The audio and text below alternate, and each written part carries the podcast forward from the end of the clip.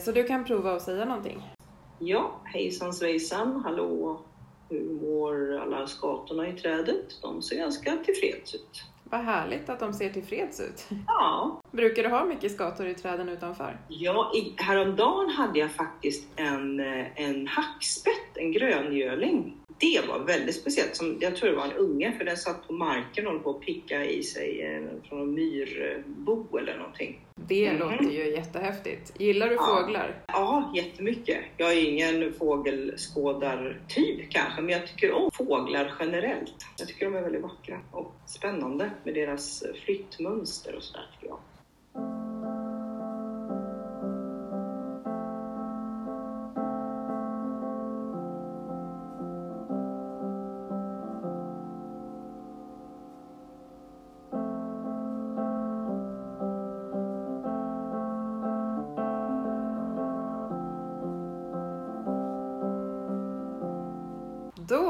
Hälsar jag er hjärtligt välkomna till det här avsnittet utav Waldorfpodden. Och med mig idag då, ifrån Göteborg, så har jag vem då? Ja, hej från Göteborg! Här har vi Maria Tickner Erling som sitter i sitt kök. Ja, och vi kör ju faktiskt den här intervjun, eller samtalet snarare kanske det kommer att bli, eh, via Zoom. Så att jag ser ju vilket fint kök du har. Och, eh, Ja, det är inte så tokigt faktiskt. Nej, jag tycker att du ska vara väldigt glad. Jag tycker jag mig se hallen där bakom också då. faktiskt. Ja, absolut. Man kan kanske skönja en katt här om en stund också. Oh. Ja, Vi får se. ja, katter gillar vi. Varmt välkommen till eh, Waldorfpodden. Tack så mycket. Hur kommer det sig att du och jag har kontakt med varandra då? Vet du det? Ja, vet jag det? Det blir ju mitt svar på frågan, men kanske inte ditt. Men eh, vi har ju faktiskt gått på samma gymnasieskola. Det är kanske inte därför vi har kontakt idag. Det gjorde vi ju en gång i tiden, i slutet på 80-talet. Visst var det så? Precis, så början på 90-talet. Du gick ju i samma klass som Mikaela som vi haft med i tidigare avsnitt av Waldorfpodden. Teaterlinjen gick ni, eller hur? Det gjorde vi. Vi gick där eh, två år. På den tiden var ju gymnasiet eh, tvåårigt. Och då hade jag redan gått eh, restauranggymnasium faktiskt. Livsmedelsteknisk linje minsann. Så det var mitt andra gymnasium. Först gick jag färdigt det ena och sen så påbörjade jag det andra. När jag kom på att det här med teater, det var ju väldigt roligt. Har du fortsatt någonting med teater sen då? Eh, ja, det har jag gjort. Jag höll på att säga varje dag håller man ju på på olika sätt i klassrummet. Eh, och det, det har jag ju verkligen gjort. Men efter eh, teaterlinjen så gick jag på Ingesunds folkhögskola i två år i Arvika. Och sen så flyttade jag ner till Göteborg och då läste jag dramatik på universitetet där. Eller här ska jag säga. Och efter det så var jag med i lite olika fria grupper i några år. Så ja, det får man väl säga. Men annars i övrigt så ehm, är jag ju lärare idag då, Waldorflärare. Och då tycker jag att jag har haft väldigt, väldigt mycket nytta av detta genom åren. Och då måste ju min naturliga följdfråga bli, hur kom det sig att du kom i kontakt med Waldorfpedagogik och hur blev du Waldorflärare? Mycket bra och naturlig följdfråga. Ehm, ja, då var det ju så här, hade jag har- harvat på med de här olika fria grupperna i, eh, i några år och så började jag tycka att det var lite segt, eller jag började ifrågasätta varför jag gjorde det egentligen och tänkte vad skulle man kunna göra annars? Och då, ja, då var det faktiskt så här att jag var och eh, tittade på en, eh, en krogshow var det väl kan man säga, på Gillestugan här i Göteborg och där eh, så var det Mia och Klara, Klara Zimmergren och Mia Skäringer som uppträdde som jag kände lite då sen, ja, kring de här olika teatersammanhangen. Så satt vi och pratade efteråt och då hade faktiskt Mia börjat läsa på Waldorfakademin som det hette här i Göteborg på den tiden. Och så berättade hon om det och så tyckte jag att det lät så otroligt spännande. Så då sökte jag in där och började faktiskt påföljande år, eller vårtermin var det, våren 2000. Så så kom det sig. Lite lustig väg in, men sen så upptäckte jag ju att det där med att, um, att undervisa eller att vara lärare och stå framför sin lilla publik varje dag, även om det eh, var en mindre sådan och samma publik varje dag, så, så har det väldigt, väldigt många likheter faktiskt. Att, att framställa någonting, ett material, genom sig själv på det bästa sättet som man kan och på väldigt många olika sätt för att eh, kunna nå nå olika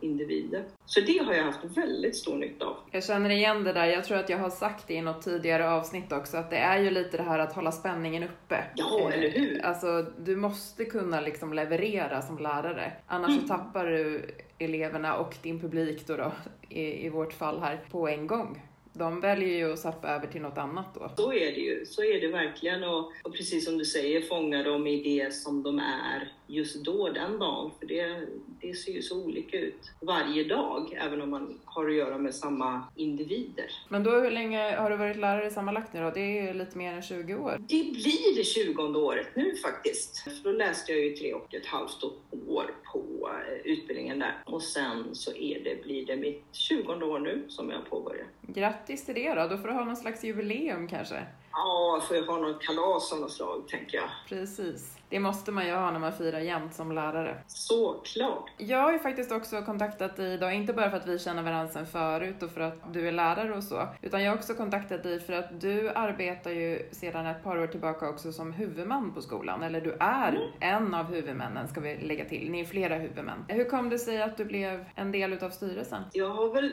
suttit i vår styrelse i en 15 år tror jag. Det först var det väl så att det var så att det var, vem ska sitta i styrelsen? Ingen vill sitta i styrelsen. Det var ju lite skrämmande. Många tyckte, så jag började nog som suppleant och sen så har jag ju blivit kvar på samma skola. Jag jobbar ju på Martinaskolan i Göteborg.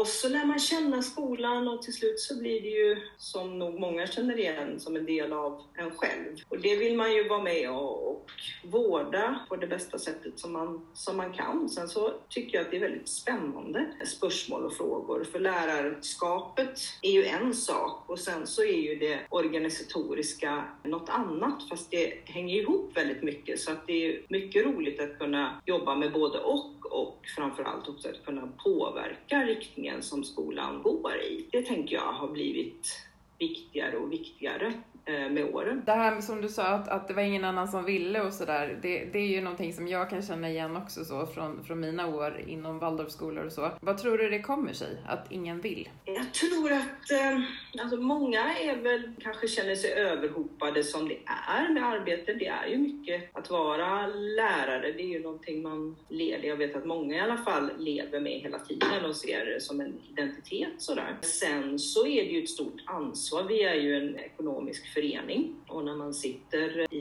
huvudmannen i styrelsen så blir man ju också ansvarig för, för verksamheten. Det tror jag säkert avskräcker många, att det är på det sättet. Du sa ju att du tror att det avskräcker många det här med att man är ansvarig. Men mm. som lärare är man ju egentligen också ansvarig för väldigt många saker och ibland så kan jag uppleva att vi kanske missförstår lite vilket ansvar man egentligen har när man är huvudman kontra när man är lärare. Känner du igen det, vad jag är ute efter? Eller är det... Ja, Ja, du tänker på, på ekonomin. Det är, ju, det är ju så att om verksamheten inte bär sig eller eh, om man skulle gå i konkurs så, så står man ju som ekonomiskt ansvarig. Man kan ju förvisso ha olika försäkringar och sådär. Men eh, det är ju ett väldigt stort ansvar eh, att ha, ja men att vara ansvarig för, för människors skolgång som ska bära sig över tid och vara ja, ett förtroendegivande alternativ som finns kvar. Hur många elever är det som ni har på skolan? Nu har vi 179 tror jag, så vi har en ganska liten skola. Det är förskoleklass upp till klass 9 och fram tills i eh, juni här så har vi också haft en förskola, Lill-Martina, men den har vi avvecklat nu då precis, tyvärr, efter 15 år för att vårt bygglov gick ut och vi hittade inga nya inga nya lokaler. Det har också varit som så att det har varit en, en ansträngning för vår ekonomi att ha den här förskolan eftersom vi inte har kunnat ha eh, så många barn helt enkelt. För vår förskola har fått vara inrymt i våra befintliga lokaler så då har det inte burit sig eller det har gått back ganska rejält varje månad så vi var ja, tyvärr tvungna att ta det beslutet. Jag lyssnade på ett jätteintressant sommarprat nu under sommaren med en eh, som berättade just det här att det här med att misslyckas, att behöva liksom avsluta någonting som du nämner nu då, att ni behövde avsluta förskolan det bars inte och så vidare. Det här misslyckandet i sig, är, det tar ju väldigt hårt på en. Men det är ju också det som ibland behövs för att verksamheten ska kunna komma vidare. Mm. Och det, det. är väl också någonting som jag tänker att vi som har suttit i huvudmannen, eller du som sitter i, i huvudmannen, styrelsen, hamnar i ganska ofta. Verkligen, det är ju smärtsamma beslut men eh, väldigt nödvändiga sådana. Och det var, nu har vi som tur är lyckats eh, anställa den personalen i skolan som assistent eh, bland annat då. Så det är ju väldigt positivt. Men det var ju väldigt många föräldrar naturligtvis som var både ledsna och, eh, upprörda. Det var en fantastisk verksamhet. Jag hade, har själv haft min son i, i verksamheten så att det, det förstår man ju också. Men det, det var inte hållbart och försvarbart eftersom vi ju behöver ansvara för resterande verksamhet. Ja, för det han också sa i det här som har pratat att av det här när man behöver liksom fatta tuffa beslut eller av de här misslyckandena så kan det ju som sagt komma ut någonting som också blir i slutändan bättre. Och för att det ska kunna komma fram så måste vi också ta tag i de här tuffa bitarna och, och våga ta de besluten också. För jag kände igen mig just i det här att, att man som huvudman ofta hamnar i, i ganska trängda lägen kan man ju säga. När man behöver fatta väldigt, väldigt tuffa beslut. Ja, och det, det är ju väldigt viktigt att det är människor som sitter på de positionerna som, som vågar göra det och det kanske vi hade behövt göra tidigare också, vad vi gjorde. Till slut så, så står man där och då är det så vi behöver göra. Annars så eh, skulle ju alltihopa ha fallit. Vad ser du fram emot nu då i och med att ni liksom tar ett, ett nytt kliv in i skolans historia här nu då? Nu kommer det nog kännas lite mer som att alla är med på samma, samma båt igen, tror jag. Så det tänker jag är positivt. Och att vi kan titta på nya investeringar och vi ska jobba mycket med våran skolgård till exempel, där man kan lägga lite större resurser. Så att jag tänker att det, det, blir, eh, det blir någonting positivt. Och alla känns eh, som att de har, när beslutet väl har landat, att det, att det har blivit bra. Hur länge har skolan funnits? Skolan har funnits 31 år minsann. Det var en av de första skolorna som startade upp efter eh, friskolereformen av några pionjärer.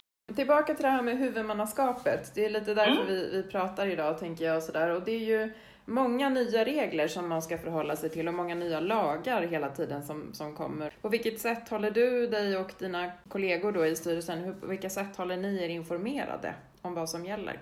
Vi försöker ju läsa ikapp oss och, och eh, delta dels genom Skolverket och olika publikationer som kommer. För att det, jag menar, så är det ju varje, varje år det kommer nya, nya lagar. Så vi, vi gick en skoljuridikutbildning också om det, om det senaste. Bland annat så gick vi även en i, i arbetsrätt, arbetsmiljörätt. Så vi försöker att hela tiden eh, ligga steget före. Man får göra så gott man kan. Vi har 10 procent, eh, jag och Beata Petron som är ordförande i våran, eh, i våran styrelse. 10 procent av våran tjänst är faktiskt till styrelsearbete. Så det är faktiskt väldigt bra. Och sedan så har vi då ett styrelsemöte eller arbetsmöte i veckan.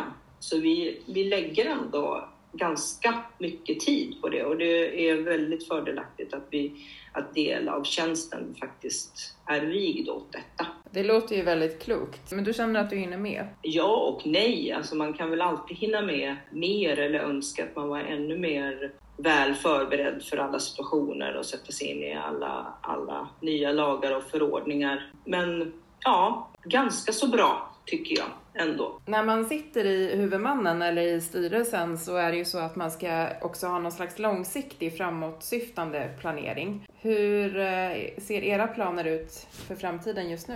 Ja, just nu eh, håller vi på. Det där är ju så roligt när man eh, får möjlighet att planera in roliga saker för kollegorna kring fortbildning till exempel. Så nu har vi ehm, som plan här till hösten att vi ska ha en, en fortbildning kring ledarskap i klassrummet med John Steinberg. Så det ska bli väldigt, väldigt spännande som ska löpa över, över året. Kan du berätta lite mer om vem John Steinberg är? Ja, han eh, är ju lite av en, en guru i dessa sammanhang som har skrivit flera olika böcker kring detta tema. Hur man uppnår en en bra jämvikt i ett klassrum. Lagd som olika delar um, som man har ett tillfälle i veckan och så ska man diskutera olika frågor, gå ut och observera kanske sina kollegor i, i klasserna och eh, sen komma tillbaka och diskutera de här observationerna då för att få syn på sig själv förstås eh, då också. För att det, det är ju, även om på en skola, varje lärare har ju sin egen lärstil och sitt sätt att, att undervisa, men det är ändå väldigt viktigt att eh, på en och samma skolenhet att det finns en, en likvärdighet, att om man har barn i olika klasser så, så kan man ändå förvänta sig att eh, ja, undervisningen kan gå till på tusen olika sätt, men att, att det ändå finns en, eh, en likvärdighet kring detta kring i ledarskapet.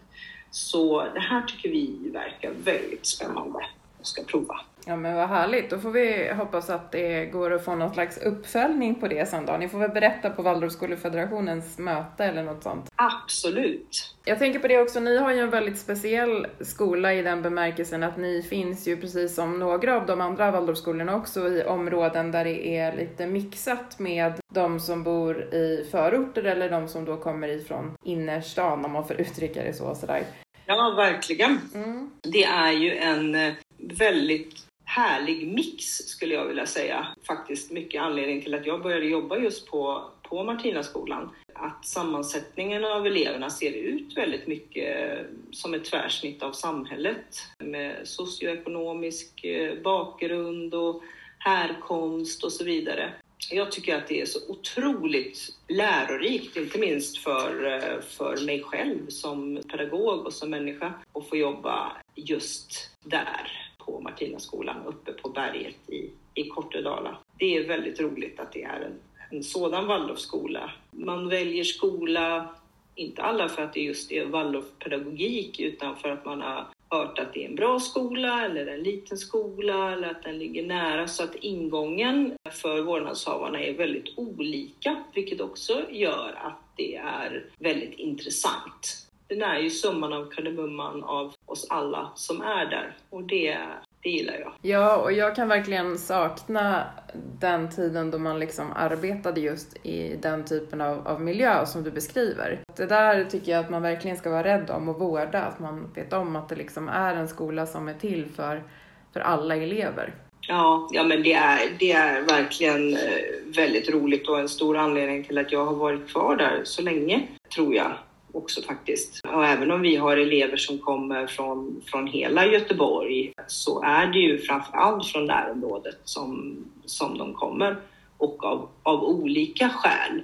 Och flera av dem hade ingen aning om vad, vad Waldorfpedagogik var när de först ansökte. Ja, så berättar man att det här innebär det att gå i skola här och så här tänker vi och så de som tycker att det låter spännande, de hänger på.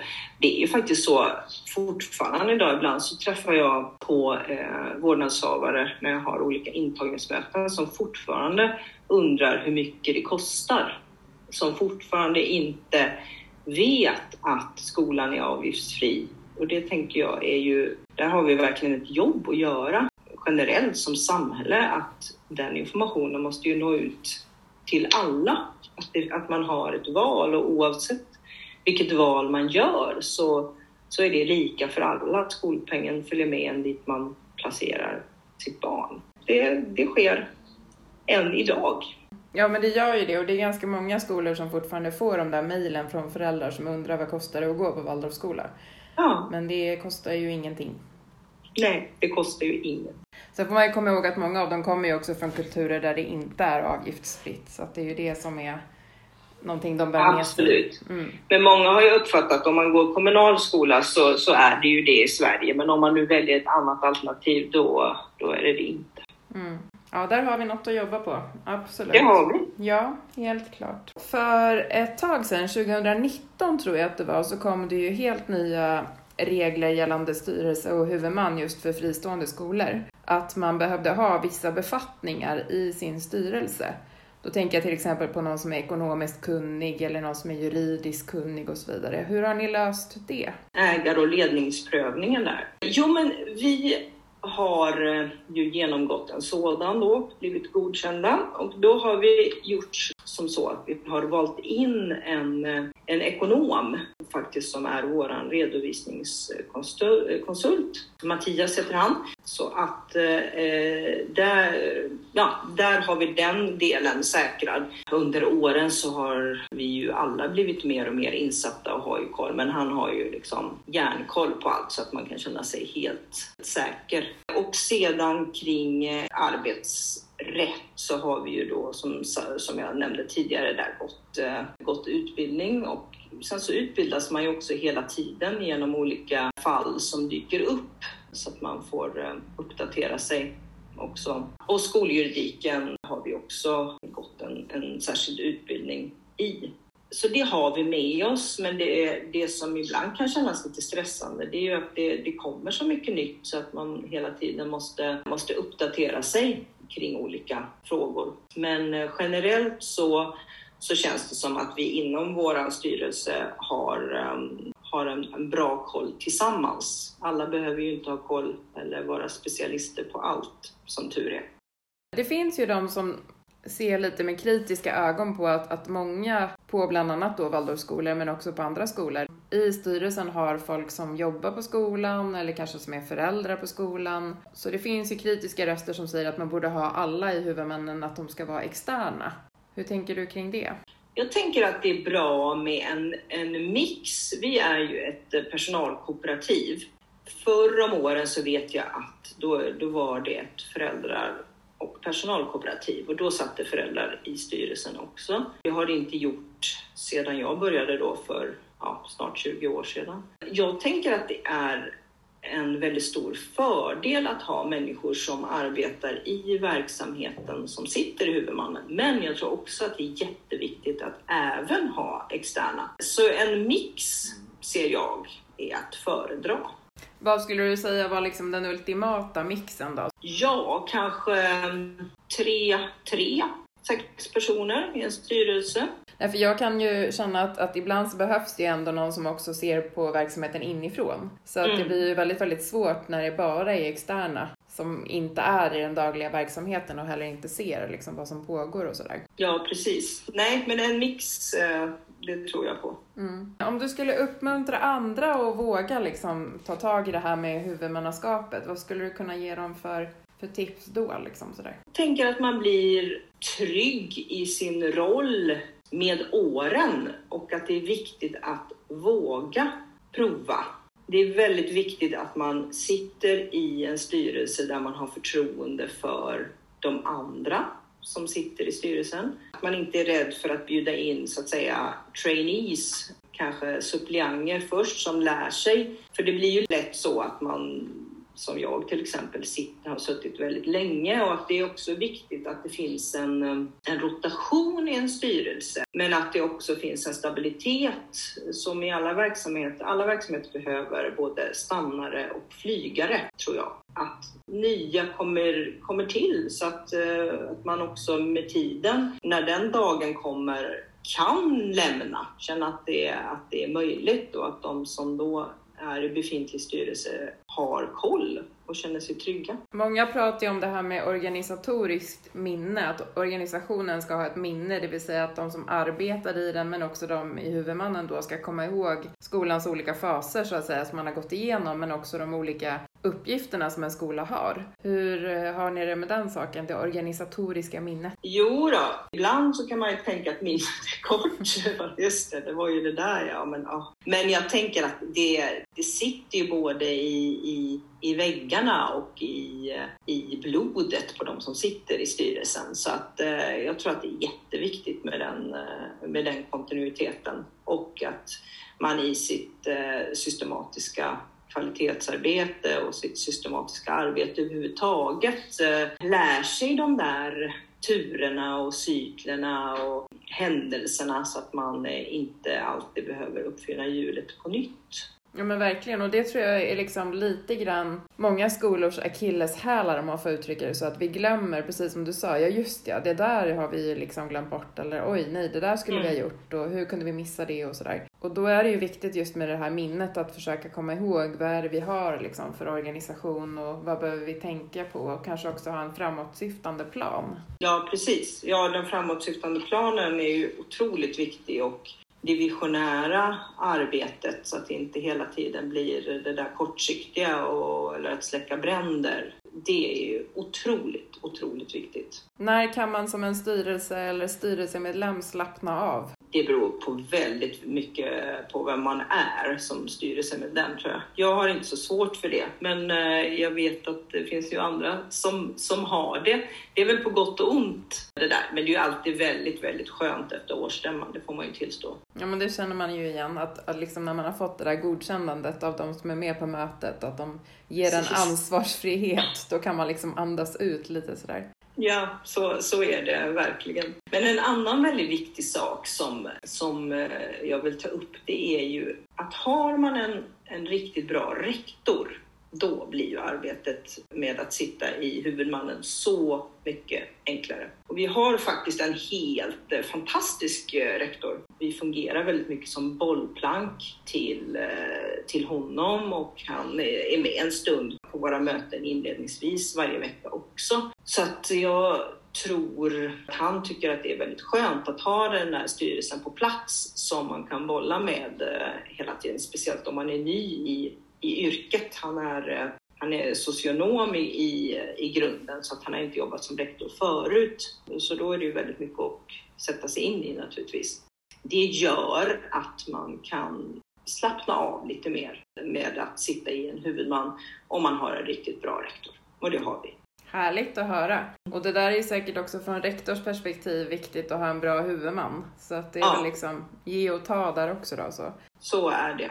Och en, en eh, förträfflig skolchef. Det, det skadar ju inte heller. Nej, nej men verkligen inte. Och just det här att kunna stötta varandra. Precis. Hur pass mycket tar ni hjälp av Waldorfskolefederationen som jag nu sitter här och representerar lite grann då i alla fall i och med att jag har samtalet via Waldorfpodden här nu? En del.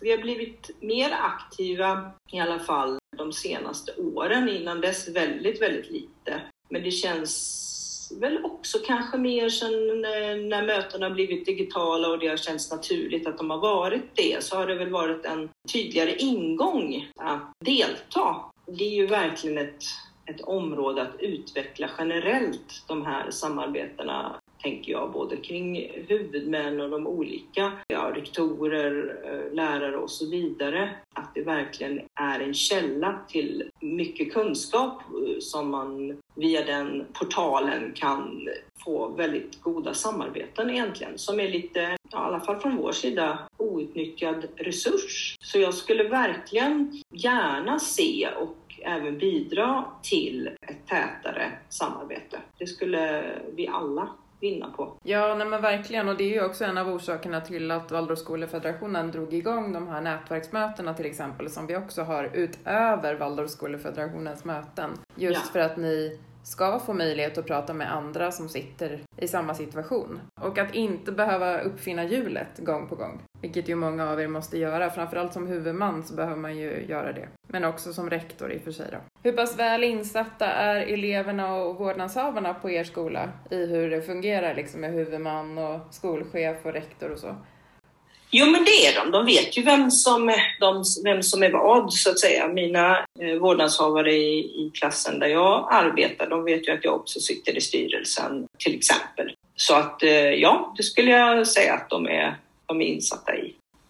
På vilka sätt informerar ni skolans vårdnadshavare och elever om hur det ser ut och vilka ni är och sådär? Ja, dels på, dels på vår hemsida och sen så har vi haft, nu har vi inte haft under, under pandemin förstås, men annars har vi haft sådana här eh, informationsmöten och det har vi alltid inför, eh, inför förskoleklass eh, start till exempel. Om skolan generellt och hur skolan fungerar och vilka, vilka strukturer den är uppbyggd kring. Och sen så har vi också tidigare haft olika föräldrakurser och, och sådana saker. Eh, och det finns också en föräldra, föräldraförening. Men eh, det är ju inte så som folk är vana att en, eh, en organisation fungerar i den styrformen just med, med att man både kan vara lärare och sitta i huvudmannen och på så sätt bli rektorns chef. Skolinspektionen gjorde ju ganska nyligen nu en inspektion av nästan samtliga Waldorfskolor i Sverige. Kom de någonsin till er? Nej, det gjorde de faktiskt inte. Eh, men vi hade ju en inspektion, vi hade en sån här eh, ägar och ledningsprövning. Det var då under den här tiden när vår ekonomi inte såg så ljus ut, när vi gick back varje månad på grund av den här situationen med förskolan som jag nämnde tidigare. Så då blev det ju en, en granskning och ett ärende av, eh, av det. Så jag vet inte om det, var, om det blev som, så att de såg att det var ändå ett ärende som pågick. För den här tematiska inspektionen, den, eh, den skedde aldrig. Och sen drog den här andra, det drog ut på tiden så att den var färdig först i, i våras då. Så att nej, det gjorde de inte. Nej, intressant säger vi då. Vi får se ja, om de var nöjda med det de hade gjort innan då, eller om de återkommer. Det vet man ju ja, inte. Nej, men jag, jag talade med eh, vår kontaktperson där på, på inspektionen och då uttryckte han det som att eh, ja, men det ändå var detta pågående ärendet. Ja, nej, men spännande. Vi får se som sagt vad, vad det blir av det hela. Är det några speciella dokument och så? Vi har ju pratat lite om det här med att, att du tyckte att man skulle ha ordning på, på just ekonomiska saker men också kanske det här med liksom vilka man är som sitter i styrelsen och så. Men är det några andra dokument som du rekommenderar att man håller koll på? Att man vet vad man har saker och ting? Ja, så jag tänker att det är väldigt bra att ha koll, att ha ett bra årshjul, styrelsens årshjul, så att man inte missar någonting på grund av att någonting annat dyker upp som man följer systematiskt år för år. Generellt att man dokumenterar saker och ting. Det har väl inte alltid varit eh, historiskt den eh, starkaste sidan att eh, få ner allting på pränt på ett systematiskt sätt. Men det är ju så viktigt. Så det har vi blivit bra på. Ja, skönt att höra. För det har ju verkligen också under åren varit liksom många skolors dilemma. Att ja. man har saker och ting i huvudet men det kommer liksom inte ner på pappret. Sådär. Nej, det är saker man bara vet, men hur vet man dem då? Ja, exakt. Och framförallt hur vet övriga organisationen och på skolan hur det ser ut? Precis. Är det något mer som du skulle vilja lägga till gällande hur det är att sitta som huvudman eller vara huvudman? Jag tycker det är väldigt roligt och väldigt utvecklande. Speciellt om man har trevliga kollegor och kamrater. Då tycker jag att det är väldigt roligt, även om man kanske är lite trött emellanåt i slutet på dagen när våra möten råkar ligga. Så, men det finns i alla fall en kontinuitet, att det sker varje vecka och jag tror att det är viktigt att det, att det gör det. Så jag tycker absolut, om man känner sig hugad, att man ska våga ge sig på att prova det. Hur ofta ses ni med er styrelse? Ja, vi ses ju en gång i veckan. Ni gör det alltså? Det är ganska ja. ofta ändå? Mm, ja, precis. Då sitter vi i vårt styrelserum, men vi ses inte allihopa en gång i veckan utan eh, vår externa Mattias då, han eh, kommer eh, var fjärde vecka. Men så har vi med honom via länk om det är andra saker vi behöver, behöver dryfta. Ni känner inte att det blir för ofta då? Nej, vi har uh, alltid haft det så. Då har man också lite mer utrymme och tid för att hinna diskutera saker och man behöver inte vara så exekutiv hela tiden. Ja, men då är ju ni en gång i veckan då och andra har kanske var sjätte vecka. Så att det kan ju skilja sig åt väldigt, väldigt mycket. Och då blir man kanske lite mer strukturerad och effektiv kan jag tänka mig. Men det, det finns säkert fördelar med både och. Avslutningsvis då så tänkte jag bara ställa en sån här eh, vattendelare som man kallar det när man liksom måste göra ett val. Om du måste välja, om det skulle vara skarpt läge, vad skulle du välja? Att vara lärare eller att sitta i huvudmannen? Oj, det var svårt. Det är liksom, båda delarna har verkligen blivit en del av, av mig. Ja, nej, jag skulle nog sakna mina elever alldeles för mycket, så det får nog bli ungarna som går först. Alltså, ja, det gör de ju ändå om man sitter i huvudmannen, fast på ett annat sätt. Men mötet med barnen är ju magi. Stort tack för att du var med i det här avsnittet utav Waldorfpodden. Jag önskar dig och hela Martinaskolan och organisationen då ett stort lycka till med era nya utmaningar nu då, då som ni har framför er här med en ny organisation lite grann också sådär. Tack så väldigt mycket.